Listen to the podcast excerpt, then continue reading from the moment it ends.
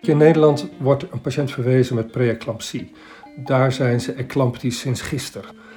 In Nederland komt iemand met koorts in het kraambed. Daar zijn ze in septische shock. In Nederland heb je een niet vorderende uitdrijving. Daar hebben ze een uterusruptuur tegen de tijd dat ze binnenkomen. Ik merk een beetje aan de mensen van mijn generatie dat ze het een beetje zat beginnen te worden. Dat ze het werk niet zo leuk meer vinden. Dat ze, als ze al niet burn-out raken, dat ze beginnen te mopperen. En dat ze van vakantie naar vakantie beginnen te leven. En dat ze hun centen zitten te tellen en te kijken of ze tot hun 67ste moeten of dat ze misschien op hun 62ste kunnen stoppen. En het is een beetje jammer. We kennen allemaal mensen die nou ja, tot, hun, tot hun pensioen doorbuffelen om kort daarna iets te overkomen waardoor ze niet zoveel meer kunnen of zelfs overlijden. En dat is zo zonde.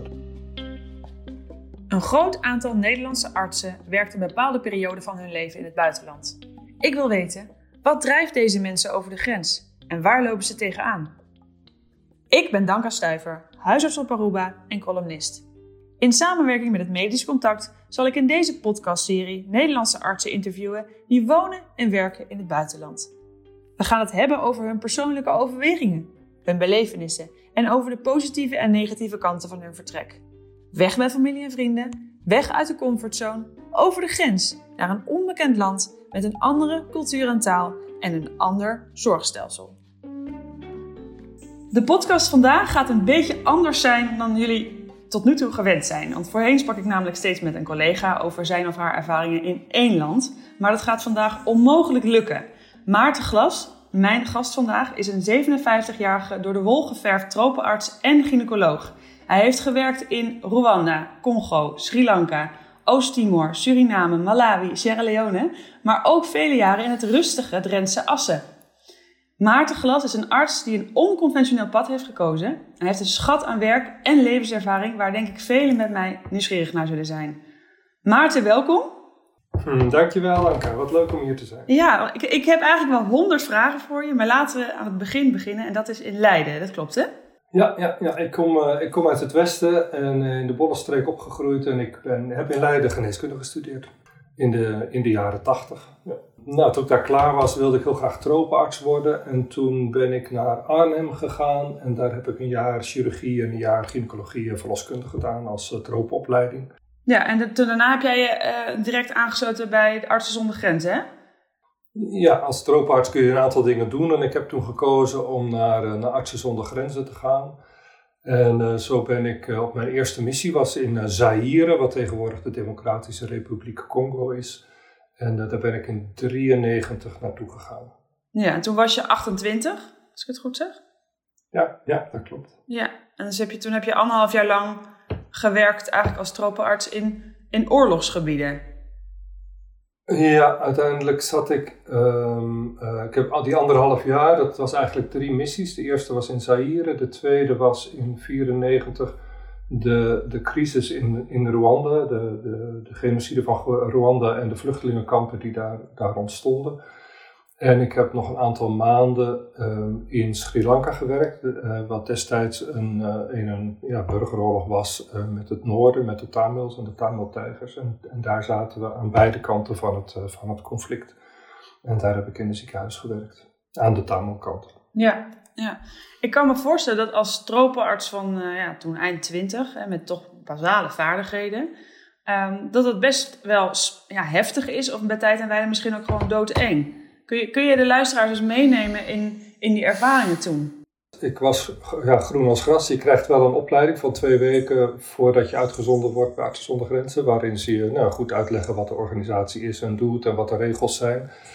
Uh, vervolgens ging ik naar Zaire, naar uh, het Kivu-gebied uh, aan de oostkant. en terwijl ik daar aankwam, om, ja, om, brak er een, een burgeroorlog ter plekke uit. Dat was niet voorzien. En toen heb ik negen maanden in die, in die burgeroorlog uh, gewerkt.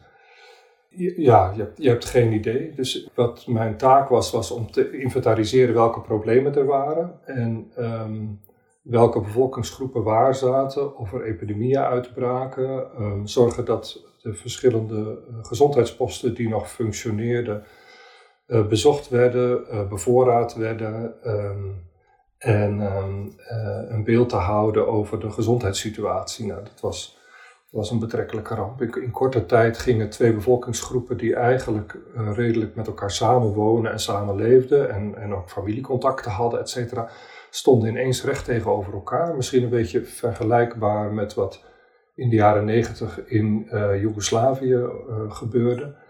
Um, en dat was een bloedig conflict waarbij, ja, waarbij hard gevochten werd, grotendeels met handwapens, dus er mhm. waren niet veel vuurwapens. En uh, ik reisde iedere week door dat gebied heen. Ja, de ene week kom je in, in, in dorpen waar je met de mensen praat, en twee weken later kom je in hetzelfde dorp en is eigenlijk, zijn er alleen nog maar doden. het is, ja. is een dorp ja. Ehm, is, is nou ja, geraakt en uh, bezocht en uitgemoord. Daar komt het op neer. Dus ik vond dat het was, was een hele lastige tijd. Het was, uh, ja, was oorlog. Uiteindelijk herhaalde zich dat, want ik was net klaar daar en toen brak de oorlog in Rwanda uit. Wat een ja, genocide was, waarbij in ongeveer een maand tijd meer dan een half miljoen mensen zijn vermoord. Toen was ik er niet hoor.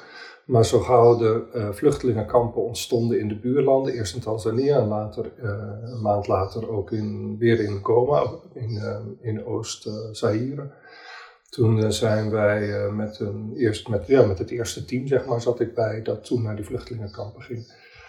Nou, toen was ik wel, natuurlijk was ik wat meer gewend, um, maar dit was van een totaal andere orde. Er stroomden daar 10.000 mensen per dag ongeveer binnen. Mm -hmm. Ja, in, in ontredderd, um, te voet, met, met, met kinderen en met wat ze hadden op hun hoofd.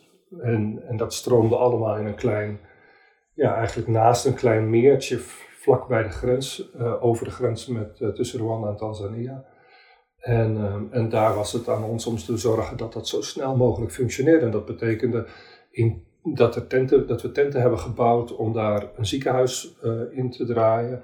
En dat we onder de vluchtelingen zelf de mensen met een medische achtergrond um, selecteerden en aannamen uh, om ze zo snel mogelijk uh, te kunnen laten werken in dat ziekenhuis en in de polykliniek. En in een paar dagen tijd uh, worden er honderden mensen per dag behandeld.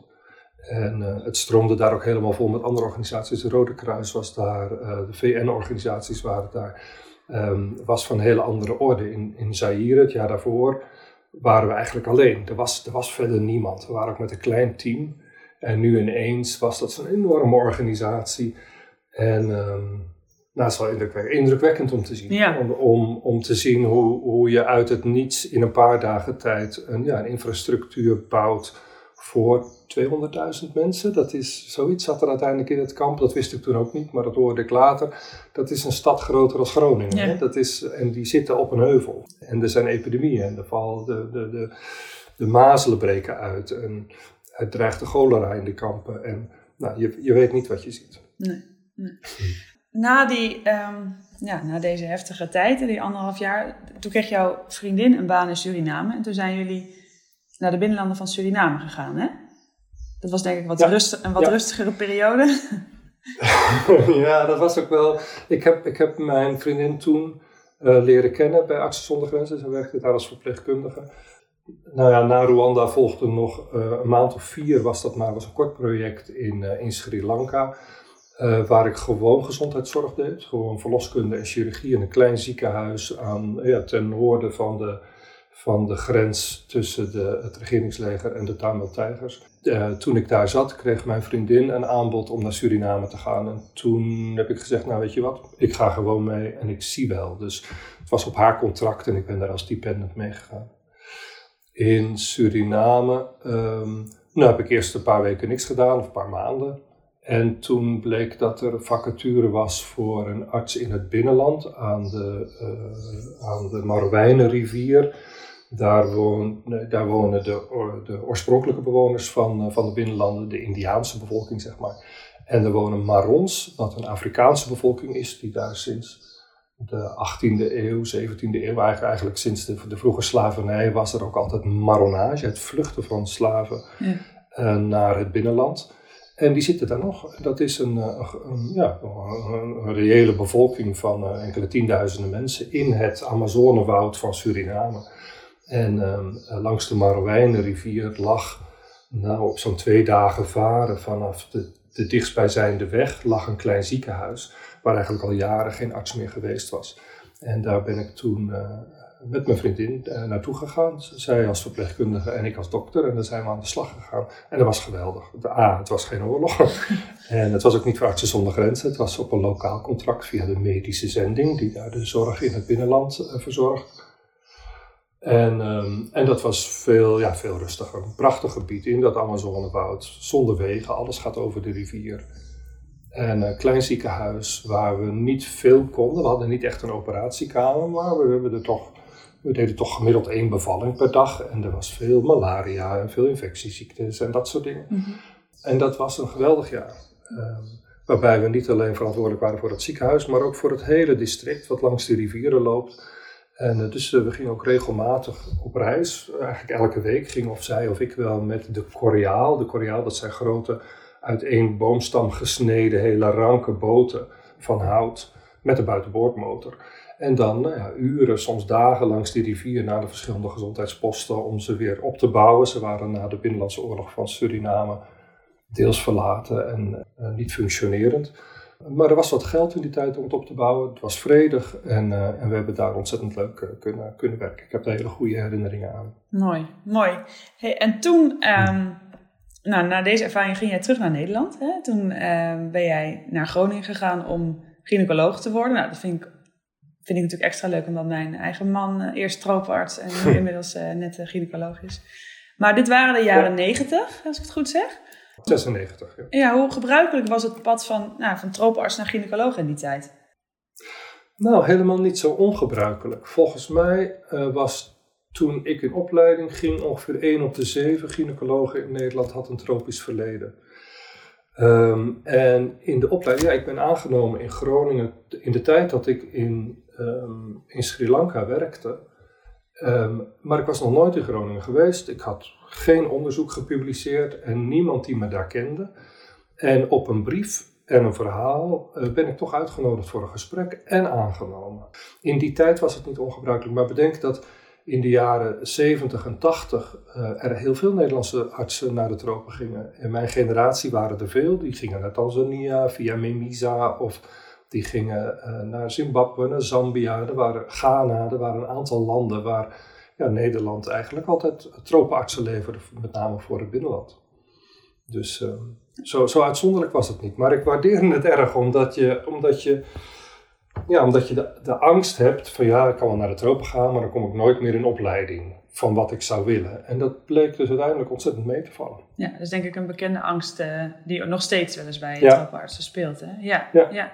ja. Um, gaan we even een stukje, een sprongetje maken. Want in 2002 was jij klaar met de opleiding tot gynaecoloog. En toen ging jij uh, opnieuw naar het buitenland. Met, toen ook met niet alleen je vrouw, maar ook uh, een peuter.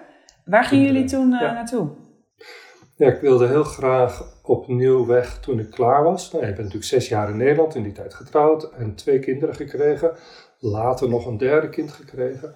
En toen, naar, uh, toen ik klaar was met mijn opleiding, toen uh, heb ik een plek gevonden, niet via Artsen zonder Grenzen, maar via een lokaal contract in Oost-Timor. Oost-Timor was toen eigenlijk net zo'n beetje onafhankelijk geworden, het jaar daar voorafgaand.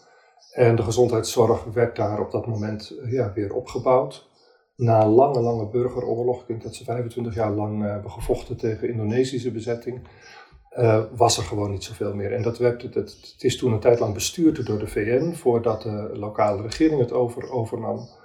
Er waren niet genoeg dokters. We hadden daarvoor een jaar getekend, maar uiteindelijk door andere omstandigheden, familieomstandigheden in Nederland, zijn we na een maand of vier al teruggegaan. Eerst mijn vrouw en later ik.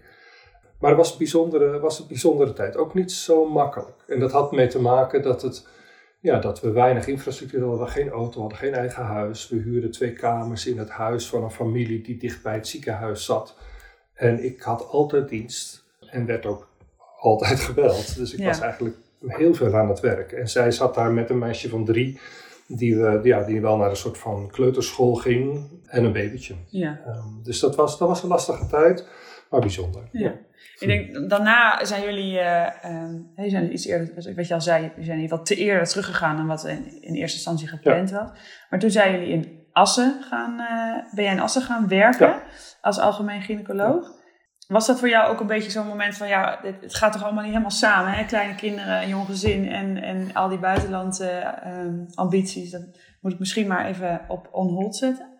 Ja, ik denk dat dat, dat, dat wel speelt. Uh, mijn vrouw was ook vrij snel daarna opnieuw zwanger, dus toen kwam er nog een derde. En, en ja, weet je, de jongste gaat naar school toe. Um, mijn vrouw was ook, denk ik, wel een klein, klein beetje zat van. Mhm. Eh, en die, en die, ja, die vond ook een leuke baan en wilde nog een opleiding gaan volgen. Um, en en toen, uh, toen zijn we gaan settelen en, um, en, en nadenken over wat er, uh, wat er verder is. En dat is eigenlijk allemaal een beetje achter me gelaten en gewoon, gewoon aan de slag. En ik heb nou, meer, dan, meer dan 15 jaar in Assen gewerkt. Ik heb eerst nog een jaar waargenomen in Delfzijl en toen in Assen aan de slag gegaan.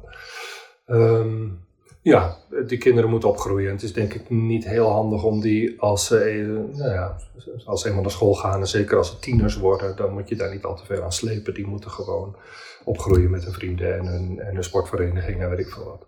Wat ik in die jaren wel deed, was uh, voor Artsen zonder Grenzen verloskundecursussen geven. In Nederland ben ik een moedinstructeur, dat is uh, uh, Obstetric Emergencies and Trauma. Dat is zo'n opleiding waar alle gynaecologen doorheen gaan uh, voordat ze geregistreerd zijn en, uh, en anesthesisten als ze dat willen.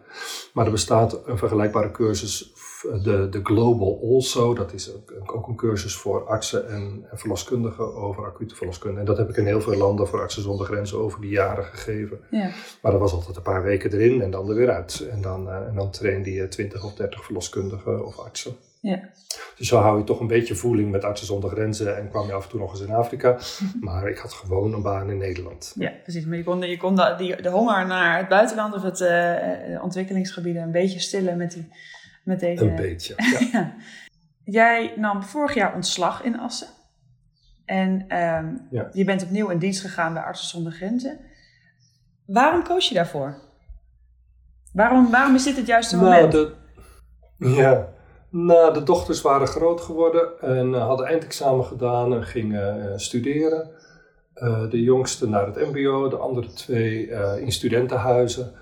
Um, en nou ja, kortom, dat, dat, het vliegt uit, hè, het nest raakt leeg. En ik vond het een goed moment. Ik denk eigenlijk wil ik heel graag gewoon weer terug naar zonder Grenzen en wat anders doen. Ik heb met heel veel plezier in Nederland gewerkt. Ik ben algemeen gynaecoloog in de perifere kliniek. Ik heb mij vrij breed gehouden altijd, dus nou, grote delen van het vak kan ik gewoon uitoefenen. En ik vond het leuk.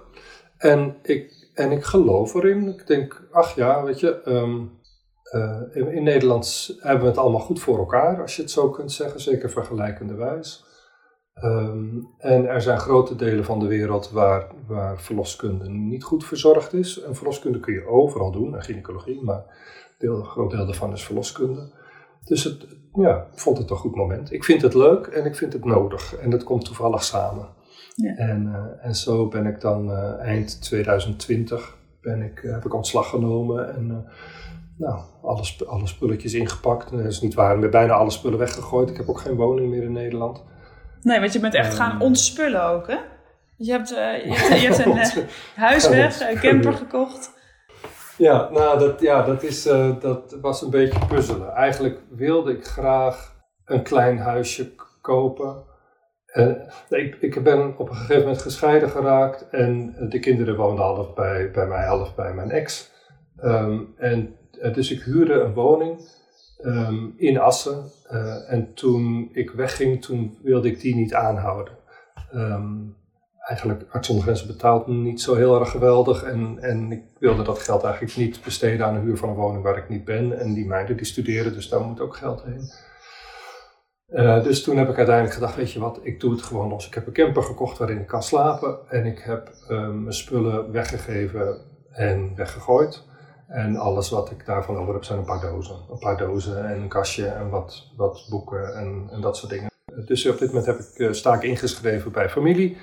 En, um, en red ik me zo. Als ik in Nederland ben, kan ik uh, of in het busje slapen of ik kan wat huren.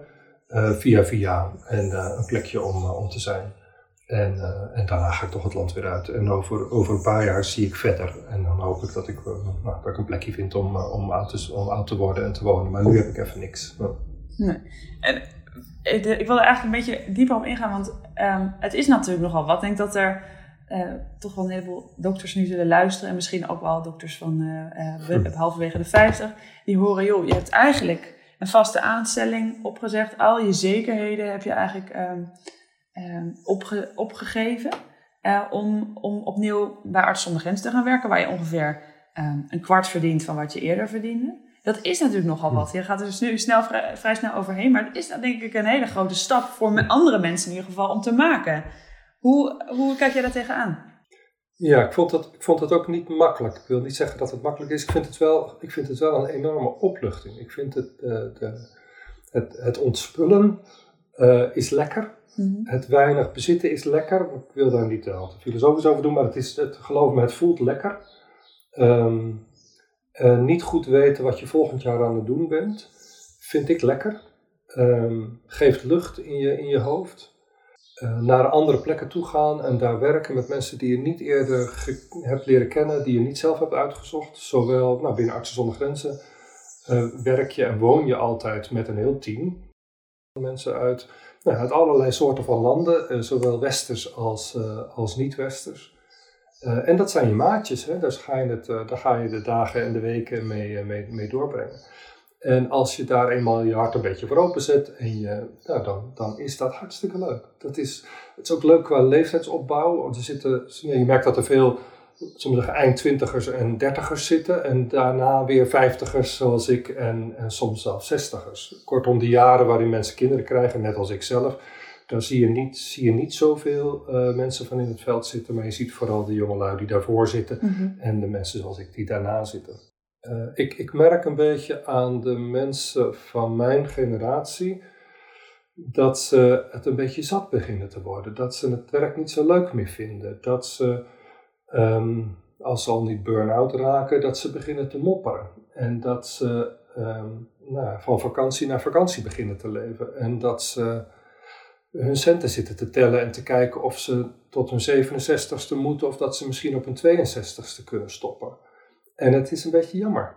Dat is, um, ja, en, en dat moet ook, want ja, je hebt allerlei financiële verplichtingen, maar als je dat allemaal een beetje loslaat en je vertrouwt er even op dat het goed komt en je, en je hebt wat spaargeld, dan, dan, dan kan dit zomaar. Tenminste, ik ja. hoop dat het goed met me afloopt, maar ik ga ervan uit dat dit, dat dit kan en tot zover red ik mij. Ja.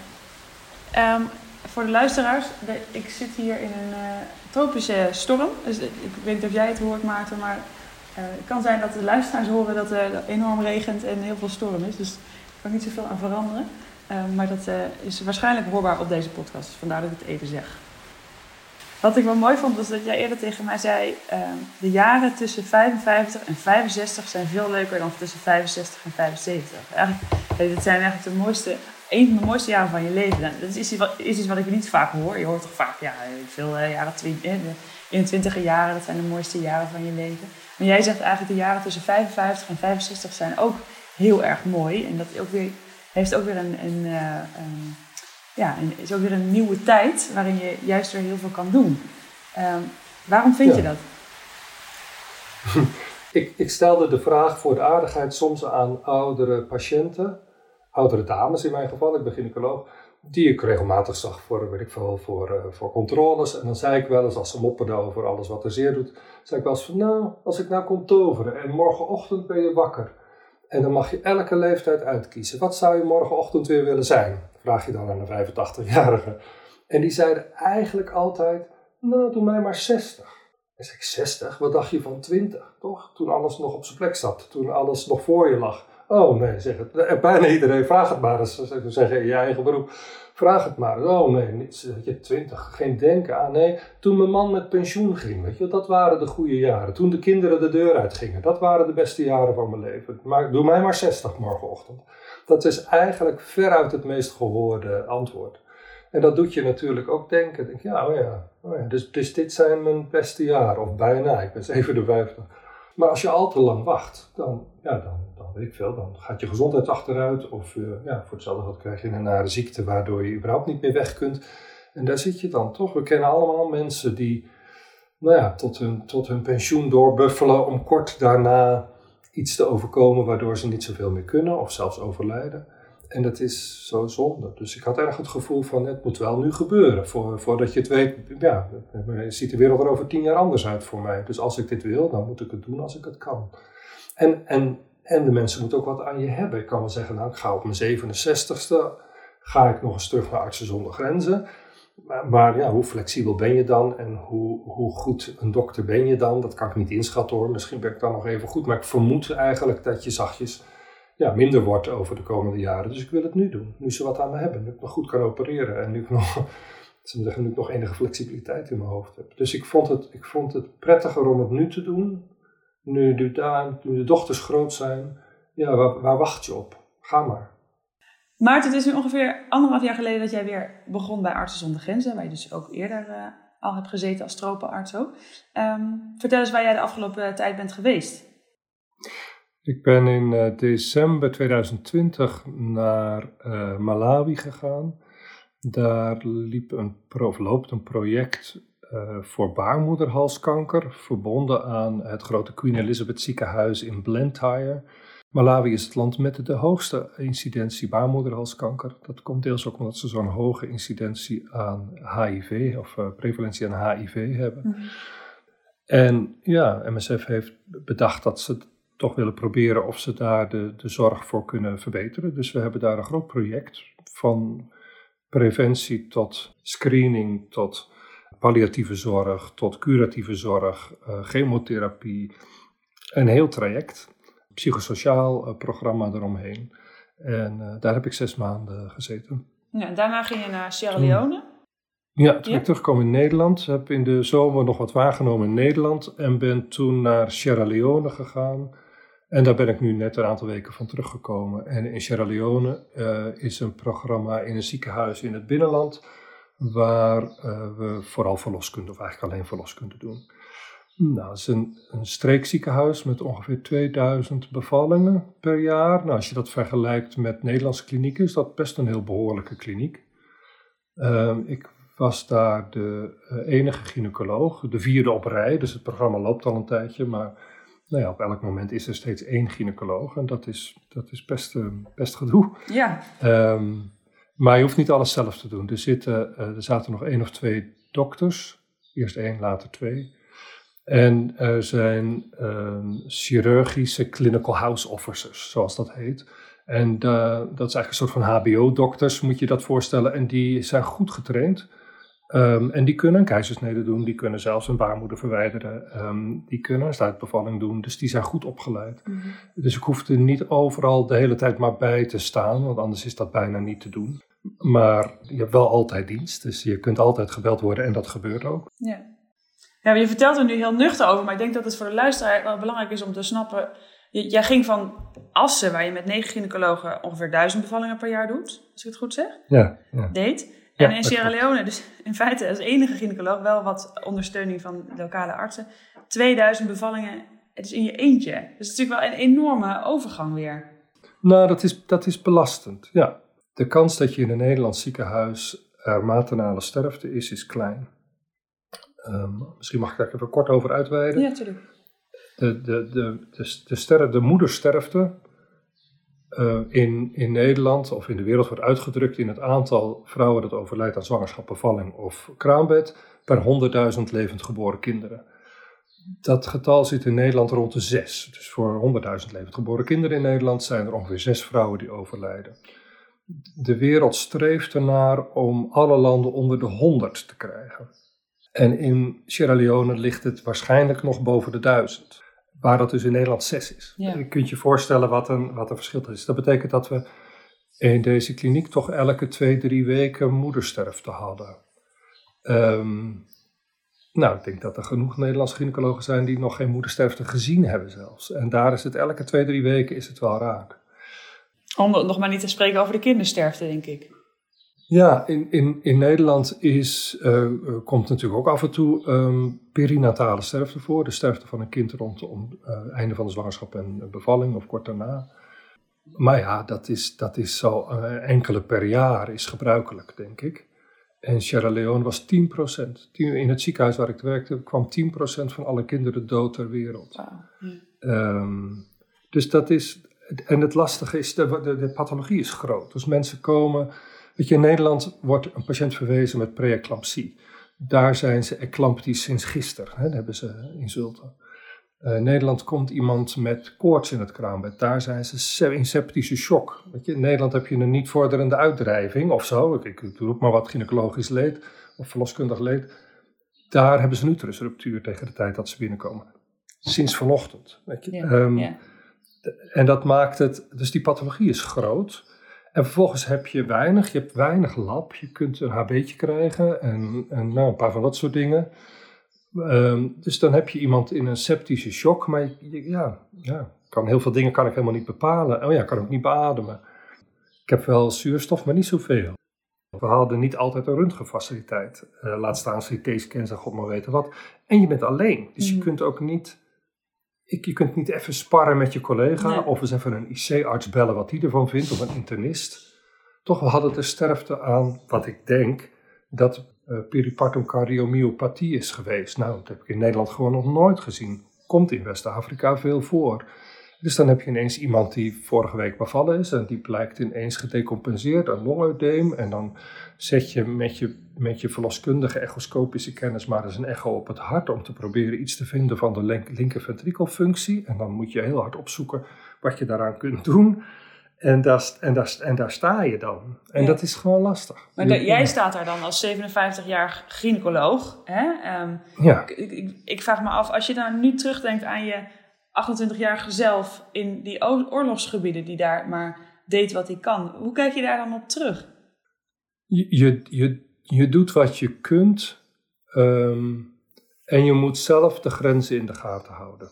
Uh, van wat verantwoord is en niet. En, en als gynaecoloog met 20, 30 jaar ervaring liggen mijn grenzen op een andere plek dan waar ze lagen toen ik een tropenarts was. Mm -hmm. um, wat niet wegneemt dat er nog steeds een grensgebied is waar je denkt, ja, um, ja, wat zal ik hier nou eens, wat moet ik hier nou eens van vinden, wat zal ik hier nou eens mee doen? Dus die, dat, dat, het getop, hoe ga ik dit goed krijgen? En had ik maar iemand om, om van te houden, nee, had ik maar iemand om mee te praten, om, om tegenaan te leunen, dat is precies hetzelfde. Ja. En, en als ik nou vraag, want jij hebt natuurlijk met verschillende, in verschillende landen gewerkt, ook met verschillende bevolkingsgroepen. Mhm. Zijn er dan nog mhm. overeenkomsten tussen de verschillende landen of de verschillende bevolkingsgroepen waar jij uh, gewerkt hebt? Of waar je mee te maken hebt gehad? Dat je deed qua taal of qua manier van doen of qua oh, cultuur. Zijn er dan nog uh, dingen die je aan elkaar kan linken? Nou, dat is, dat is, dat is leuk. Um, in, in Suriname, in het binnenland, in Suriname spreekt Nederlands, maar in het binnenland wordt meestal uh, Sranantongo of een variatie daarvan gesproken. Dat is eigenlijk een Creoolse taal die ontstaan is in de slavernijperiode. Met daarin kenmerken van Engels, uh, van Portugees, van uh, West-Afrikaanse talen. Dat is een mengelmoesje. Mm -hmm. In Suriname noemen ze dat Sranantongo. Toen ik daar werkte heb ik die taal geleerd. A, omdat ik het leuk vond en, en er een cursus was. En B, omdat in het binnenland niet iedereen maar Nederlands spreekt. Dus je zult, je zult die taal moeten leren. Het is ook niet zo heel ingewikkeld. Vervolgens um, kwam ik in, uh, nu in Sierra Leone. En uh, daar spreekt men een aantal talen, maar een belangrijke taal is het Crio.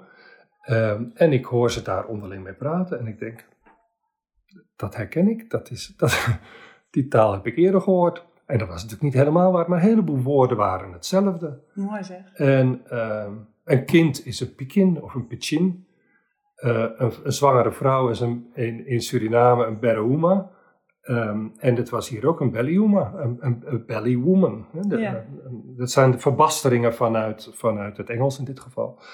En, uh, en eigenlijk kon je het vrij goed oppikken. En dat heeft ermee te maken dat in Sierra Leone, uh, de hoofdstad Freetown, Um, daar zijn aan het einde van de slavernij zijn er vanuit het Caribisch gebied en de Verenigde Staten zijn er grote populaties uh, ex-slaven, uh, vrijgemaakte slaven, zijn teruggebracht naar West-Afrika. Dat vonden ze destijds een goed idee. En die spraken die taal, die taal die is daar gebleven. Dus het, het, klopt, maar ik had dat nooit verwacht. Dus waarom koos jij nu specifiek weer voor Artsen zonder Grenzen? Ik, ik denk, uh, Nou, even voor de, voor de duidelijkheid, ik spreek niet namens Artsen zonder Grenzen. Ik ben niet hun spokesperson, maar ik kan, ik kan namens mezelf spreken. Uh, Artsen zonder Grenzen is een medische organisatie die zich inzet voor mensen die geen goede toegang hebben tot medische zorg. Dus het is eigenlijk een soort van noodhulporganisatie. En we zijn het meest bekend voor zorg in vluchtelingenkampen, in, uh, tijdens aardbevingen, uh, epidemieën, weet ik ebola, dat soort dingen. Daar, daar zal Arts zonder op reageren. Maar er is een hele zeggen, tweede laag aan uh, projecten waarbij we proberen basisgezondheidszorg te leveren in landen waar die door de overheid niet geleverd wordt, of, of niet overal, of slecht, of ongeïnteresseerd geleverd wordt. en, en ontwikkelingsorganisaties niet makkelijk heen gaan. En dan denk ik aan landen als uh, de Democratische Republiek Congo, de uh, Centraal-Afrikaanse Republiek, Tjaad, Zuid-Soedan, uh, Somalië, Jemen. Bedenk het maar. Mhm. Landen met conflicten en, en hele gebieden die onverzorgd zijn. Maar het is niet alleen maar acuut. Weet je, in Zuid-Soedan zitten we echt al 30 jaar. In Sierra Leone 35 jaar. In de Congo ik ben daar in 93 heen gegaan. Toen was ik niet de eerste en ze zijn daar nooit weggegaan. Er zit nog steeds zitten er programma's van Artsen zonder Grenzen. Dus, de, dus die commitment is niet alleen maar erin en er weer uit. We zitten daar decennia, maar het zijn altijd moeilijke gebieden.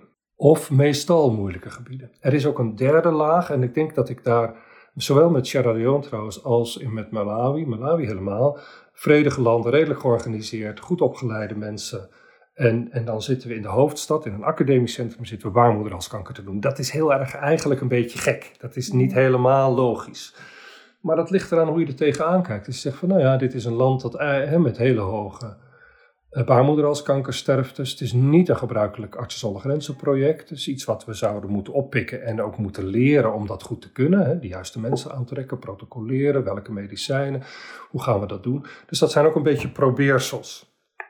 Het is natuurlijk ook een beetje, ehm, wat is de definitie van noodhulp, denk ik. Hè? Want uh, bij noodhulp denken we vaak aan erin, uh, je, doet, uh, je levert de meest basale zorg en je gaat er weer uit. Maar dat, dat, zo hoeft het natuurlijk niet te zijn. Nee, dat is echt hoor. Dus de, in de meeste projecten zitten we jaren als het geen decennia is. Mm -hmm. ergens in omdat er een overstroming is en er dan weer uit, dat is best logisch. Maar eruit valt niet mee. Hè? Als, er zijn natuurlijk eindeloos veel organisaties die graag iets willen met ontwikkelingshulp of ja, graag iets met Afrika doen, dat is hartstikke mooi. Ga er vooral mee door. Maar kunnen jullie alsjeblieft ook naar Zuid-Soedan kijken? En kunnen jullie ook eens naar de Congo kijken? En, en, en waarom, ik, waarom ik graag voor Artsen zonder Grenzen werk is, is dat. Ja, ook in, de, ook in de rotgebieden. In de rotgebieden van deze wereld moeten we ook werken. Ja, ja laat, me, laat me jou dan de vraag stellen. Ehm, ben jij een, een weldoener of ben jij een avonturier? oh. Um, ja, allebei. Dat, dat, mag, dat, dat mag duidelijk zijn. Het, in, in mijzelf zit gewoon onrust. En ik vind het leuk. Ik vind het leuk om, om ergens heen te gaan wat ik niet weet wat er op me afkomt. Ik vind het leuk om, om met mensen te werken waarvan ik niet van tevoren weet waar ik, waar ik in terecht kom. Ik vind het leuk om te improviseren. Ergens wat van te maken. Um, ik ben geïnteresseerd in mensen, ja, dat zijn de meeste dokters wel. Um, maar, maar daar wordt dat wel op de proef gesteld. Ja. En um, dus dat, is, dat zijn, zeggen, persoonlijke argumenten. Ik hou hiervan, anders zou ik het ook niet doen. En ik ben in staat om die sprong te maken, hè, waar we het eerder over hadden, loslaten, afsluiten en, en ga nou maar, kijk maar wat er gebeurt. Maar ja, aan de idealistische kant, eh, niet om het een of ander, weet je, als, er, als je gynaecoloog bent en je zit met z'n allen op een plek waar de, waar, de, waar de zorg zo goed georganiseerd is, en, en acht uur vliegen verderop is, is de sterfte 100, 200 keer hoger. Um, ja, 200 keer hoger. Mm, en weet je, heel Sierra Leone telt denk ik vijf gynaecologen, zoiets. Ja. In Nederland, weet ik niet, anderhalfduizend, zoiets. Het is niet ja, ik hoef het niet uit te leggen, zeg maar. Nee, ah, er is, er is werk te doen in deze wereld, zeker in ons vakgebied. Um, jij voelt, je daar, jij voelt ook wel een maatschappelijke verantwoordelijkheid. En je voelt verantwoordelijkheid. Ja, oh, absoluut, ja. Je zei eerder, uh, af en toe moet, moet je als, ja, als arts met veel ervaring moet je gewoon een stukje corvée doen. ja, ik denk dat dat zo voelde. was ook een beetje omdat ik Sierra Leone niet makkelijk vond en ik heb daar niet per se van genoten. Ik vond het wel boeiend. Ik heb, ik heb hele aardige mensen ontmoet en uh, me veel verwonderd over dingen. En heel hard gewerkt. Um, Af en toe heb je corvée en dat is niet erg. Dat is, ja, ik, ja, weet je, ik heb nu gewoon een half jaar lang, zeven dagen in de week, eigenlijk alle dagen in de kliniek geweest. Ik geloof dat ik een half jaar, vier dagen niet in de kliniek ben geweest. En dan bellen ze je. En, en verder moet je gewoon maar buffelen. Dat is niet per se makkelijk of leuk, maar, maar het moet af en toe maar eens even. Ik geloof, dat geloof ik wel. Af en toe heb je corvée. Ja. Af en toe moet je afwassen, toch? Ja. Doet er niet toe of het leuk is. ja. ja, jij geeft eigenlijk in deze podcast al, vind ik, een hele mooie uh, boodschap mee aan jouw uh, generatiegenoten. Um, hè, om niet uh, het werk nog uit te zitten, om je geld al te gaan zitten tellen, om, of, of het pensioen er al aan zit te komen of aan kan komen. Hm. Um, en, en, ja, juist deze hè, die jaren tussen 55 en 65 nog echt um, ja, met beide handen aan, aan te grijpen en uh, het avontuur op te zoeken. Um, en ook daarin een stukje corvée uh, te doen.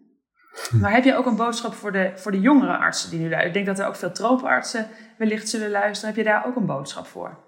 Uh, ja, nou ja, de, de die uh, nu in opleiding zijn, hartstikke goed. Jullie hebben de afslag al, uh, al genomen en ga, je, ga je gang. Niet te bang zou ik zeggen dat je, dat, dat je hiermee allerlei ruiten ingooit voor je toekomstige opleiding kan het niet helemaal inschatten, maar zover ik het kan overzien en hoor, komt het met de meeste tropenartsen prima voor elkaar. Die vinden uiteindelijk allemaal hun plek wel als ze terug naar Nederland willen om, um, um, om een specialisme naar keuze uh, te, te doen of een vakgebied naar keuze te doen. Dus um, laat je er niet door weerhouden. En ik spreek best veel, uh, ook al co-assistenten. Um, en, en wat je vaak merkt onder jongelui is dat ze, het, dat ze het heel gaaf vinden en heel graag willen. En eigenlijk, nou, die onrust zit er natuurlijk, zeker als je jong bent, zit, zit die erin. Maar, weet je, ja, maar ja, ik kan nu een ANIOS-schap vinden of ik kan nu aan het onderzoek meedoen. Of uh, deze of deze professor heeft me gevraagd om dat of dat te doen. En ja, men wil zo graag internist worden of men wil zo graag huisarts worden.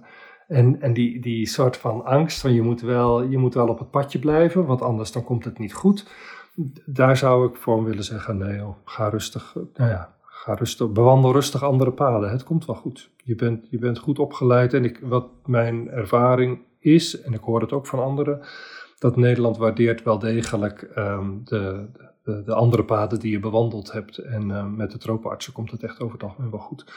Als je nog zit te dubbel of je tropenarts wil worden, ja, ja, ik zou zeggen doen. Het is ontzettend vormend. Het is ontzettend vormend om elders in de wereld te proberen um, zo goed mogelijke zorg te leveren met minder middelen dan dat je in Nederland hebt.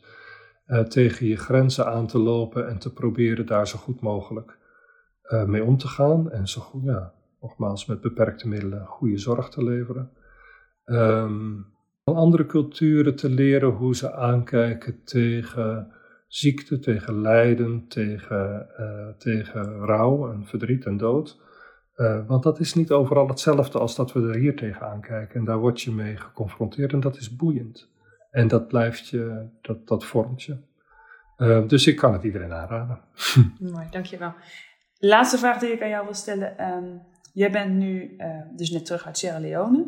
Uh, wat zijn ja. jouw plannen voor de toekomst? Oh, ja, eigenlijk iets heel anders. Um, helemaal niks met Artsen zonder Grenzen. Ik had via via via gehoord dat er vacatures zijn in Nieuw-Zeeland en dat leek me zo boeiend.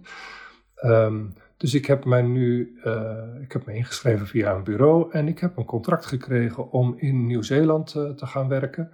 En uh, dat, dat ga ik doen. Ik ben nu bezig om daar alle papieren voor rond te krijgen. Dus uh, niet te hoog op het morele paard. Ik ga gewoon in een goed ontwikkeld gezondheidszorgsysteem werken, omdat ik het leuk vind en omdat ik nieuwsgierig ben, omdat ik benieuwd ben. Omdat ik hoor dat het een mooi land is, ik ben er nooit geweest. En, uh, en daar ga ik maar eens heen. En ik ben 57, ik heb nog zeker 10 jaar voor de boeg en misschien wel meer. En ik dacht, ach, dat moet toch kunnen. Op zijn minst maar eens een jaar, misschien wel langer. Volgens mij heb je eerder ook een van je eerste podcasts was met een collega die in, um, in Nieuw-Zeeland zit. Volgens mij kom ik in hetzelfde ziekenhuis terecht, dus ik moet nog contact met hem opnemen. Leuk, met David Boerwinkel, ja, in de, in de Bay of Plenty. Ja, ja uh, David Boerwinkel. Ja, ja, ja. Geleuk. Ja, nou, nou daar ga ik heen. Als het lukt, want ik zit nog te wachten op registraties, maar volgens mij heb ik alles ingeleverd, dan moet het lukken. En ik heb een contract.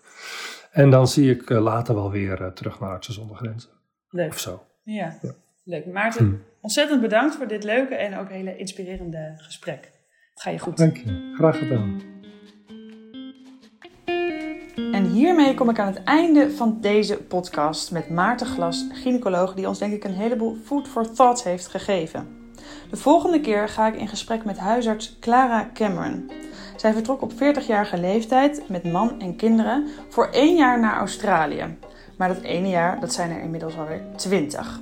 Van die 20 werkte zij 10 jaar als huisarts en de laatste jaren als rural generalist in het tropische noorden van Australië in Queensland. Dat is een soort kruising tussen het werk van een huisarts, een tropenarts en een spoedeisende hulparts. Interessant dus. Heb je naar aanleiding van deze podcast vragen, tips of zou je zelf met mij in gesprek willen gaan? Mail dan naar redactie.medischcontact.nl. En vanuit Aruba zeg ik graag tot de volgende keer.